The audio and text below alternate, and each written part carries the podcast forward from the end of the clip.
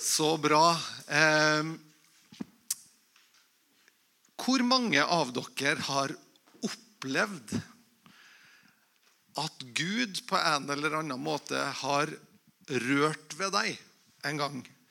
Helbreda deg? Opp, bare hold ei hånd opp. Bare Se deg rundt her nå. Det her er ganske mange som har gjort seg erfaringer om at Gud har rørt ved oss. Amen. Eh, Paulus han sier at han kom ikke til dere med overbevisende ord, men med ånds og kraftsbevis. Evangeliet har ei side der på en måte Den hellige ånd stadfester ordet. Eh, gjør det reelt, gjør det påtakelig, gjør det livsnært og livsforvandlende for oss. Sant? Eh, og så er det faktisk en måte som evangeliet spres på. Så det vi skal, altså I livet så er det jo mange Det fins mange livssykluser. sant? Det fins mange, eh, mange sykluser som Gud har skapt i naturen, i, i skaperverket. Så ser vi mange sykluser.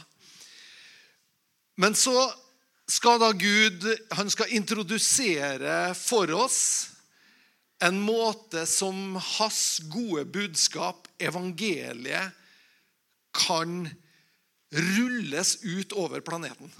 Kan si det sånn? Evangeliet skal det skal liksom, det starter i Jerusalem, og det skal spre seg til, til Judea og til Samaria. og Det skal spre seg utover. Og så er målsetninga at det skal spres like til verdens ende. Så det er noen store tanker han har. Og så er et spørsmål vi må stille oss da, det er hvordan gjør han det?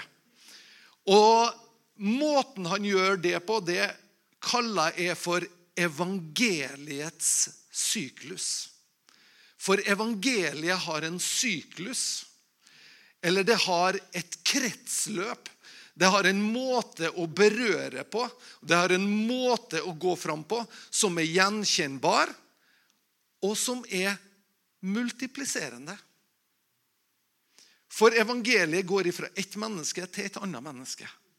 Det går ifra berøringspunkt, og så skapes det noe mer, og så multipliseres det i nye berøringspunkt. Vi skal se på Guds ord. Så evangeliets syklus det, altså det, det er første gangen jeg har hørt det ordet. Var ikke det et fint ord? Og det Jeg tror nesten ikke jeg kom på det sjøl heller. Men jeg, jeg satt i morges og tenkte at det, her er evangeliets syklus. Og da tenkte jeg det hørtes klokt ut. Det kan jeg si. Hvis det høres klokt ut, så kan jeg si det. Evangeliets syklus. La oss slå opp i første Tesalonikerbrev. Og så skal vi se på denne syklusen. Og det som jeg ønsker nå når du er her, og når du sitter her og hører, så ønsker jeg at du skal høre det sjøl inn. Hør det sjøl inn. Hvor er du i syklusen? Hvor er du kommet? Er det, er det sånn at det her er noe som er tillempbart? Og så har jeg lyst til å si det til Carl Antony og til Thea og, og, og Natalie også, til dere som er riktig unge her. Så har lyst til å si til dere vet du noe?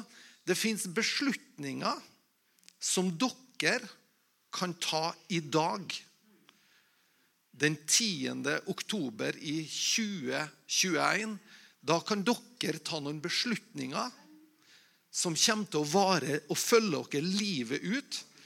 Og det er beslutninger som dere også kan ta, som kommer til å beskytte dere og bevare dere. Det er så mange vitnesbyrd jeg har hørt av mennesker som har bestemt seg, bestemt seg for noe når de var 10 år, 12 år, 13 år. Da tok de en beslutning som fulgte dem, beskytta og bevarte dem hele livet. Og jeg tror at i dag er en sånn dag da vi kan få nåde til å ta noen beslutninger om å bli noe av det Gud har kalt oss til. Amen. Så vi kan tenke på det, og kanskje vi skal be for dere til slutt. Det er kanskje fint å gjøre. Første Tesalonikerbrev, det første kapittelet, og skal vi lese fra vers 5 og ned til og med vers 8. Vårt evangelium kom ikke til dere bare i ord, men også i kraft, i Den hellige ånd og med full visshet. Dere vet hvordan vi var hos dere for deres skyld. Dere ble våre og Herrens etterfølgere etter at dere hadde tatt imot ordet under stor trengsel og med Den hellige ånds glede, slik at dere ble forbilder for alle de troende i Makedonia og Akaya. For fra dere har Herrens ord lytt vidt utover, ikke bare i Makedonia og Akaya, men også på ethvert annet sted. Deres tro til Gud har nådd ut slik at vi ikke trenger å si noe om det. Her har du evangeliets syklus. De får et berøringspunkt med evangeliet. De blir berørt. Det står altså at de fikk høre, og de fikk oppleve, og de ble overbevist. Dette er den artigste delen av evangeliet. Det er når folk liksom, når de får hakeslepp av at enten ordet treffer dem på en sånn måte at det bare Wow! Det her traff meg. Eller at Den hellige ånd gjennom kraft overbevise. Dvs. Si at mennesker blir berørt på en sånn måte at den smerten jeg hadde i skuldra, den er borte. Det jeg har vært plaga med i hofta, det er borte. Det som jeg har slitt med av migrene eller av angst, det har sluppet taket. Wow! Da er det en opplevelse av at evangeliet har berørt livet mitt. Sant? Og det er det Paulus sier når han sier det kom med ånds- og kraftsbevis. Og hvis vi tenker nå så mange prosent, altså det var 90% av forsamlinga her, som kan si det at jeg har en eller annen gang så har jeg opplevd at Guds kraft har rørt ved meg. Jeg ble helbreda når jeg var, eh, når jeg var 19 år. Da ble jeg helbreda i ryggen, og den har vært god siden det. Og det gjør at det fremdeles er Nord-Europas sprekeste predikant.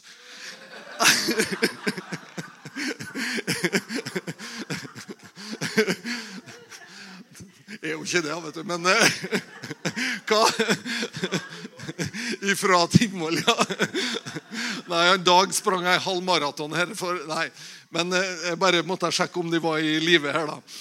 Men altså, vi har berøringspunkt av Den hellige ånd. Den hellige ånd har berørt livet vårt på en sånn måte at vi kan si at wow, det her er noe mer. Det her må jeg forholde meg til. Det her budskapet her må jeg forholde meg til på en eller annen måte. Det var ganske mange som opplevde det når Jesus gikk omkring. Det står at store folkeskarer fulgte han, og han helbreda Eh, han helbreda og berørte mange. Men så kommer fase to. Den er litt mer kritisk. Og la meg være ærlig med det. fordi at i fase to da skal du liksom, du skal ta det her begeistringa, det her berøringspunktet, og så skal du liksom pakke det inn til å bli et liv. Og det livet kaller Bibelen for disippelskap. Og det er liksom step nummer to. Så nummer én det er at vi fikk høre, og vi fikk oppleve, og vi ble overbevist. Det var noe som tok oss, det var noe som rørte oss. Og nummer to det at vi tok imot ordet, og så ble vi etterfølgere. Dere tok imot ordet, og det ble våres og Herren sine etterfølgere. Og Det er litt kult at det står. Det står ikke Herrens og, ja, og litt oss, da. Men våre og Herrens etterfølgere. Og det er på en måte litt sånn at og hvordan skjer det? Jo, ved at de tar imot ordet. Men så står det noe De tok imot ordet i trengsel. Og det er faktisk sånn når vi da tar det her gudsordet Og så skal vi forme det inn i, til våre liv, eller om du skal si det sånn. Og så må vi begynne liksom å rekalkulere, og så må vi begynne å revurdere en del av våre tankemønster for å få det til å passe inn med hva Gud faktisk syns. Hva han sier.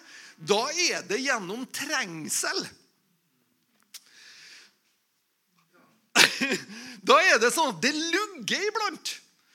Når jeg har noen klare oppfatninger om hvordan verden, livet, havet og kjærligheten henger i hop, da er det faktisk sånn at, Og så kommer Guds ord og så sier det noe som er ganske annerledes enn både det er og alle andre synes.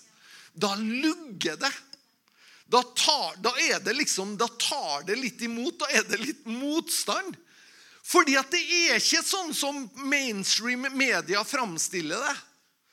Men allikevel, så det som ligger under som en drivkraft, det er at det er med trengsel. Men det fins en hellige ånds glede der. Så det fins et eller annet der som gjør at når jeg vender meg bort ifra mine egne tanker og vender om til Gud og Guds tanker, så er det noe av Den hellige ånd som bare er på innsida og bekrefter det her. Og sier, 'Erlend, det her er et spor. Det her, du, det her er troverdige ord. De her kan du faktisk bygge livet ditt på. Da skjer det. Men vi må være observant på at det lugger.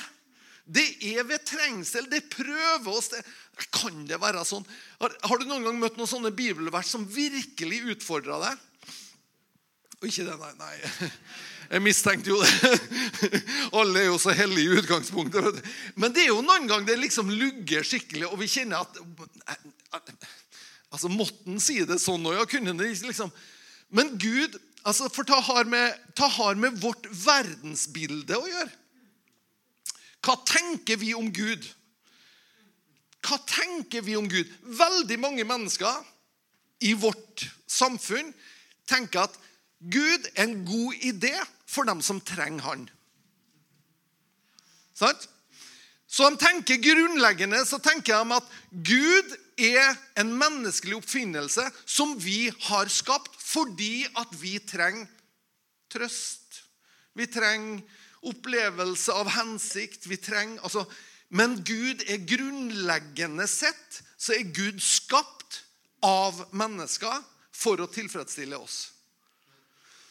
Men hvis du da snur på oss og sier men mitt verdensbilde er annerledes Jeg tenker faktisk det at Gud har skapt oss mennesker i sitt bilde for at han er kjærlighet. Og han ønsker å ha noen å dele den kjærligheten med. Så jeg er ikke, Det er ikke jeg som har skapt Gud i mitt bilde, men det er han som har skapt meg i sitt bilde.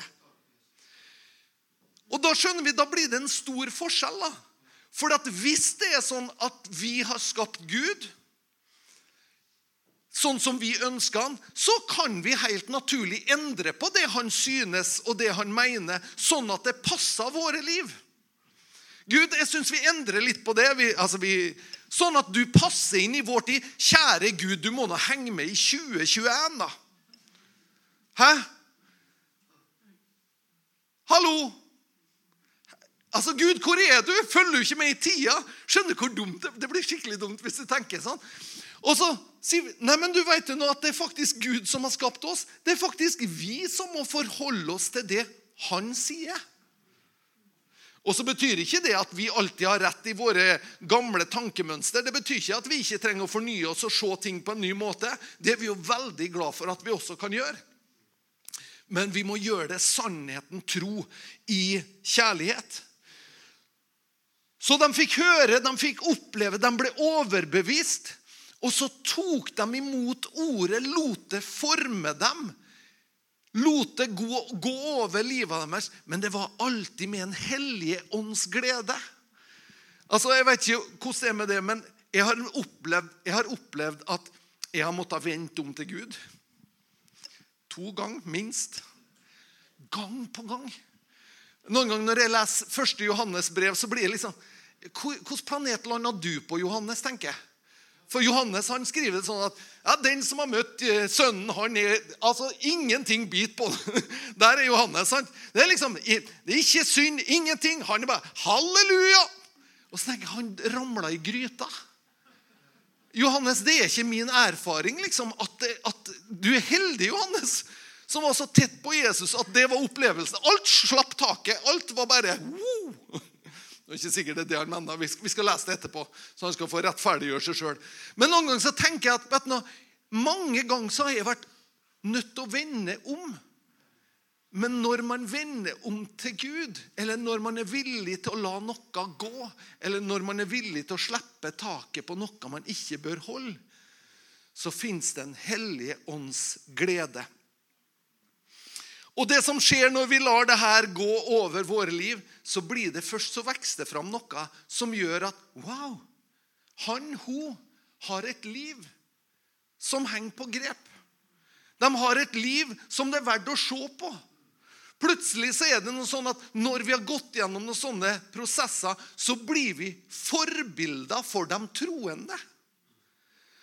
Da plutselig begynner vi å bære livet vårt på en sånn måte at wow, det er noe forbilledlig. Det er noe som er verdt å etterfølge. Det er noe som er verdt å se på.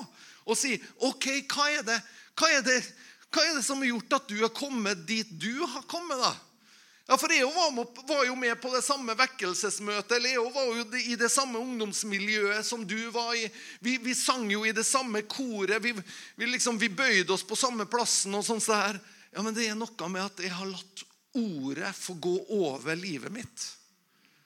Og vet du noe, Det er umulig å være en troende uten å la ordet gå over livet sitt. For ordet, hvem er det? Det er Jesus. Jesus er ordet. Han identifiserer seg med ordet. Og det er han som går over livet vår. Og så, når de da har blitt grunnfesta i det her, så står det at de blir sjøl forkynnere av Herrens ord. Da begynner de sjøl å forkynne Herrens ord.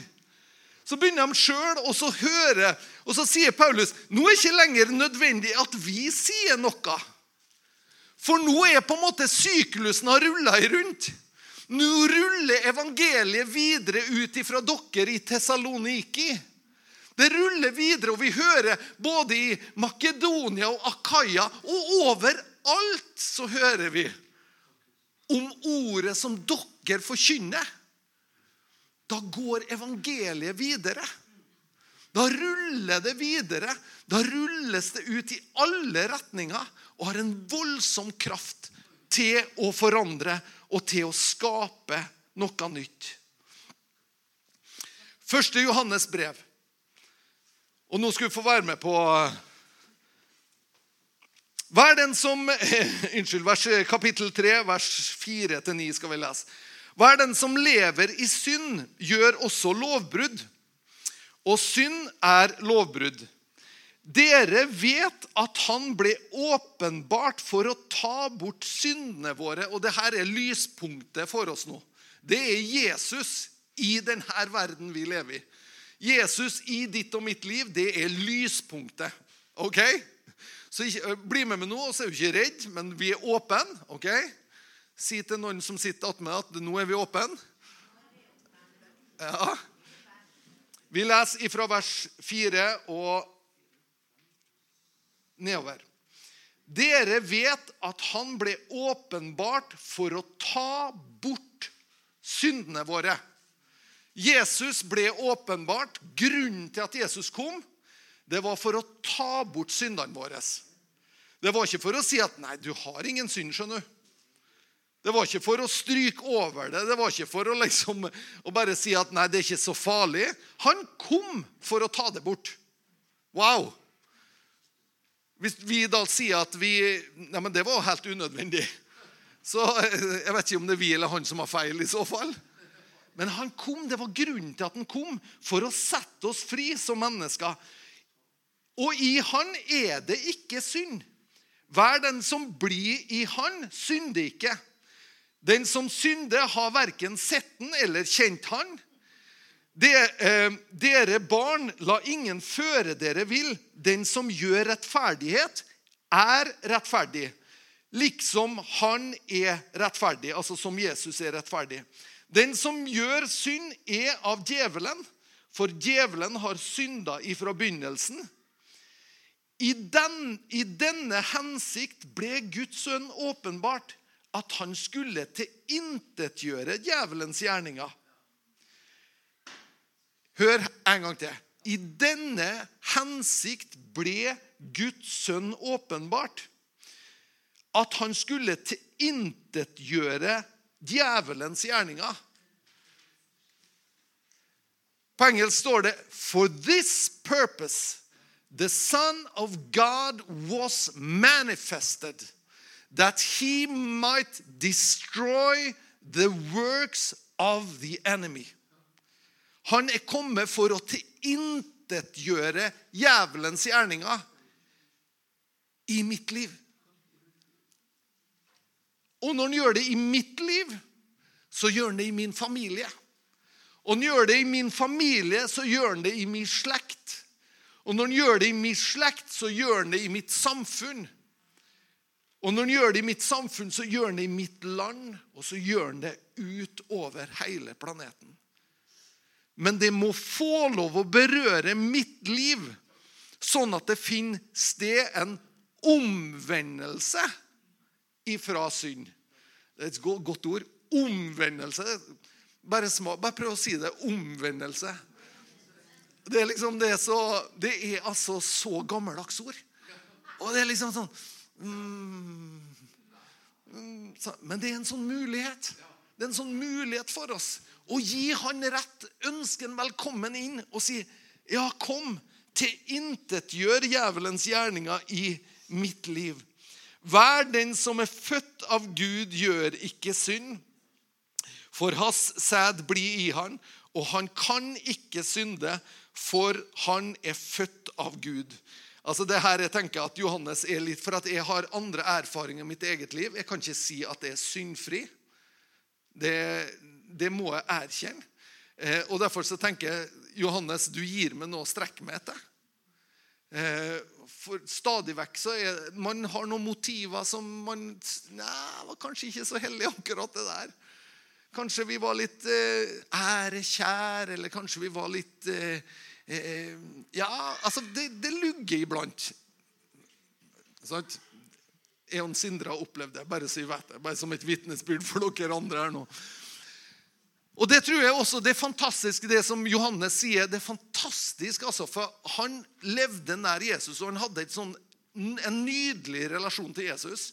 Han beskriver seg sjøl som den disippelen som Jesus elska. Og jeg tror, at, jeg tror kanskje det er noe av det beste utgangspunktet hvis vi skal leve det livet Johannes snakka om. Da er på en måte da, ja, men Jesus elsker meg. Jeg lever så titt på han at jeg bare får Og da, da har ikke det her noe tak på meg. Og Det samme vitnesbyrdet kan jeg gi at de gangene man er levende nær Jesus, da erfarer man faktisk det at det er ikke så mye annet som henger seg på. Er det ikke sånn? Så Derfor så må oppfordringa vår være å trekke oss nære til. I, i Matteusevangeliet hvis du leser kapittel ja, 9 og 10, så er det, som, det er nesten det fra ene mirakelet til det andre. Det er sånne berøringspunkt med ulike mennesker som, som er bare helt utrolig, som Jesus eh, bare tar. Det er, det er, en lam som kommer og blir båret til en på ei båre. Det er liksom, det er ei som har, har slitt med blødninger i tolv år, som berører kapp pappa hans hjemme og vekke opp ei jente som er, som er død. Eh, som, liksom, det er allerede liksom sorghøytid i familien, og han vekker opp ifra de døde. Og Det er liksom, og, og det er mirakel på mirakel. Det er berøringspunkt etter berøringspunkt som Jesus eh, gjør. da. Og Så står det i kapittel 9 i Matteusevangeliet fra vers 35. Deretter dro Jesus omkring i alle byene og landsbyene. Han lærte i synagogene deres, forkynte evangeliet om riket, de gode nyhetene om riket, og helbreda alle slags sykdommer og alle slags skrøpeligheter blant folket. Men da han så folkeskarene, ble han grepet av dyp medlidenhet med dem, for de var utslitte, motløse, spredte omkring som sauer uten hyrde. Da sa han til disiplene sine.: Høsten er sannelig stor, men arbeiderne er få. Be derfor høstens herre å drive ut arbeidere til sin høst. Jesus helbreder, og han ber oss om å gjøre det samme. Jesus sitt berøringspunkt med mennesker er gjennom at evangeliet forkynnes, de gode nyhetene forkynnes. Og så berøres mennesker av Den hellige ånds kraft. Og Det samme står i misjonsbefalinga. Da står det at 'jeg skal være med dere alle dager'. Sant? Og det står at Herren virka med og stadfesta ordet. Så vi skal ikke, som troende skal vi ikke tenke at det med, det med at det skjer helbredelser og tegn og under, det bør være den naturligste sak i verden. For det er ikke du og jeg som gjør det. For det er Gud som stadfester det budskapet vi bærer fram for Han. Så Derfor så skal ikke vi tenke at ja, men da er vi noe veldig spesielt. Vet du noe? Om du helbreder de syke, så er det helt naturlig. Det er ganske enkelt at du sier OK, jeg er villig til å være det karet som du ønsker å bruke meg til. Og så tar jeg fram det som Bibelen kaller for frimodighet. Og så sier jeg OK, da, da går jeg på det. Og så gjør jeg det. Og så lærer vi oss, og så gjør vi oss erfaringer.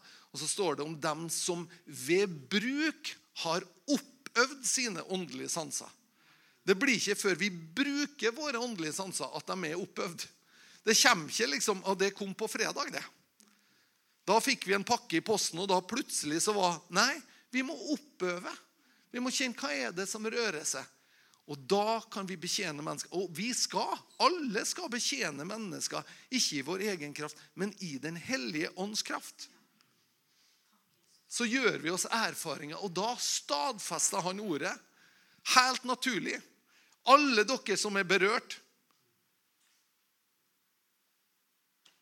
kan berøre. For det er evangeliets syklus.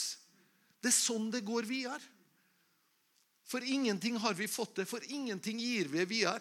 Vi er ikke spesielle, vi er ikke merkverdige, vi er ikke, vi er ikke noe som helst i oss sjøl. Ja, men, ja, men, ja, men. Nei, vi er ikke det. Men evangeliet, det er Guds kraft til frelse. Det, der ligger det redning. Der ligger det dynamitt. Og så kan vi bare bringe det budskapet videre. Og så sier Bibelen at når dere legger hendene på de syke, da skal de bli friske. Så vi gjør ting bare i forventning til hva Guds ord faktisk sier. Uten å ha fokus på oss sjøl. Sant? Så det her er evangeliet. Og når Jesus ser Det er klart det er mange som blir helbreda av Jesus, men når han ser folkeskarene, så ser han at de er som får uten hyrde. De har gått seg vill i sine tanker og i sine gjerninger. Seg, de har forvirra seg langt bort ifra Gud. Og han sier det er en stor høst. Det er mange, mange, mange, mange, mange mennesker som trenger å høstes inn, som trenger å bringes inn nært Guds farshjerte for å få del av Guds gode tanker for dem. Da er ikke miraklet nok. Da er ikke helbredelsen nok. Da er ikke berøringspunktet nok. Men da må disippelgjøringa inn. Da må ordet inn, og ordet må treffe oss, sånn at det kan gjøre oss til forbilder for de troende og bærere av evangeliet. Og da tenker jeg hvor er vi? Hvor er du? Hvor er i evangeliets syklus, om vi allerede har opplevd at vi har blitt berørt, så er kanskje det neste steget er disippelgjøring. Istandsettes til å gjøre det samme. Ikke noe merkverdig. Istandsettes til å gjøre det samme. Kanskje der det lugga litt. Kanskje det er ting jeg har støtt meg imot i Guds ord. Kanskje der at jeg ikke har opplevd berøringspunktet enda. Kanskje ikke har kommet dit at jeg har fått det berøringspunktet. Ja, men da skal du få det. Da skal du få oppleve at Den hellige ånd berører deg. Den hellige ånd rører ved deg. Rører ved der i kroppen din du er sjuk. Bare berøre det der du har behov. Kanskje også skjer det at en situasjon løser seg i ditt liv, og du bare tenker 'Wow, hva var det her?' Eller kanskje du er der at 'Jeg våger ikke å være et forbilde. Jeg våger ikke å tre ut i det.' Jeg, ja, men, ja, men jeg har jo fått mye. Men skal jeg våge å være, være Ja, men hva vil de andre tro, da? Hvis jeg plutselig stiller meg opp, vil de tenke at Jaha, hva er det som har skjedd med henne nå, da? Hæ? Har hun blitt så hellig, hun nå? Skal hun plutselig være et forbilde for oss? Hun? Ja, ja. Ja, ja. Jantelov, sant? Midt i Guds menighet, jantelov.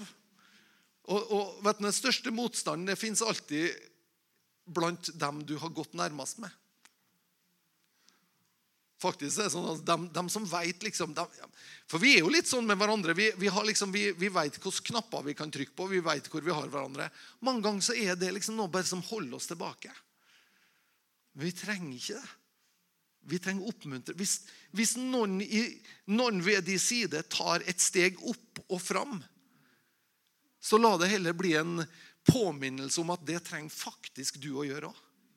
La heller det egge noe i det som gjør at Nei, men det vil jeg òg. Og så blir du en Og så kan du bli en forkynner av evangeliet. Her er det mange forkynnere av evangeliet. Det er mange som har berørt, er blitt berørt. Det er mange som har erfaringer med at Gud, han er levende i dag. Vet du noe? Vi har ingen unnskyldning. Vi har ingen unnskyldning. Vi har ing, ja, men, ja, men ja, ingen unnskyldning. For han har sagt vet du noe, det er dere som bringer det her videre. Det er det som var grunnen til at Makedonia og Akaya ble berørt. Det var det som var grunnen til at det gikk videre. Det gikk videre. Det, var ikke, det ble ikke liksom bare på Tornes. Us for and no more. Det, altså Evangeliet har det her i seg. At det kommer det kommer berøringspunkter, og vi må ta det videre. Og vi må være villige til det. Og det her sier jeg til dere, for vet du noe? Jeg er trygg på det. At denne menigheten, denne menigheten er så full av gull. Denne menigheten er så full av mennesker som bærer på ei oppriktig tro, som bærer på erfaringer av Gud. Det er, det er så mye som sitter i denne menigheten, som er så unikt og spesielt, men som er så enkelt, egentlig. Men så, så, så blir vi hjemmeblind på oss sjøl, på våre egne liv. Og så tenker vi nei, Gud kan nå ikke. Jo, det er akkurat det Gud vil. Han vil bruke det. Han vil bruke det. Det er det han vil bruke. Amen. Skal vi bare be sammen? Og så tror jeg også i bønna i dag så tror jeg også at du skal få lov å sitte her og så skal du få lov å ta noen beslutninger sjøl. Du skal få ta noen bestemmelser. Eh, noen av oss har vært kristne i mange, mange år. Og, og, i perioder så har vi opplevd at ting har skjedd, og vi har vært til velsignelse for andre. Men så har det på en måte stagnert. Og vet du noe? Jeg tror Gud skal gjenoppvekke, gjenopplive. Og så er det noen som på en måte er litt ny i det her, og det er topp, altså. Men så kanskje du har gått, gått fast i ei blindgate av et eller annet som gjør at nei, det ble ikke sånn som du har tenkt. Ja, men nå skal du få lov å rygge ut av den blindgata og skulle få lov å, å bare kjøre videre på veien i Jesu navn. Og Jeg takker Herre for din godhet imot hver enkelt av oss. Takker Herre at du er reell. Du er virksom. Du er aktiv sammen med oss, Herre, når vi formidler evangeliet. Da er det du som stadfester det med tegn og under, med helbredelser og med mirakler, Herre. Vi takker deg for det. Og var det ikke sånn, Herre, da hadde du villet sagt det til oss. Men du sa at sånn er det. Og Derfor så tror vi det, Herre. Og så, Herre, så ber jeg om nåde over hver enkelt til å ta beslutninger ut ifra hvor de er i sine liv. Eh, at de, hver enkelt kan få lov å bestemme seg for noe, sikte på noe i framtida, der de ser at du er med, og at du utruster, at du dyktiggjør, Herre, og at du stadfester, Herre, i Jesu Kristi navn. I Jesu Kristi navn. I Jesu Kristi navn. Amen. Amen. Amen.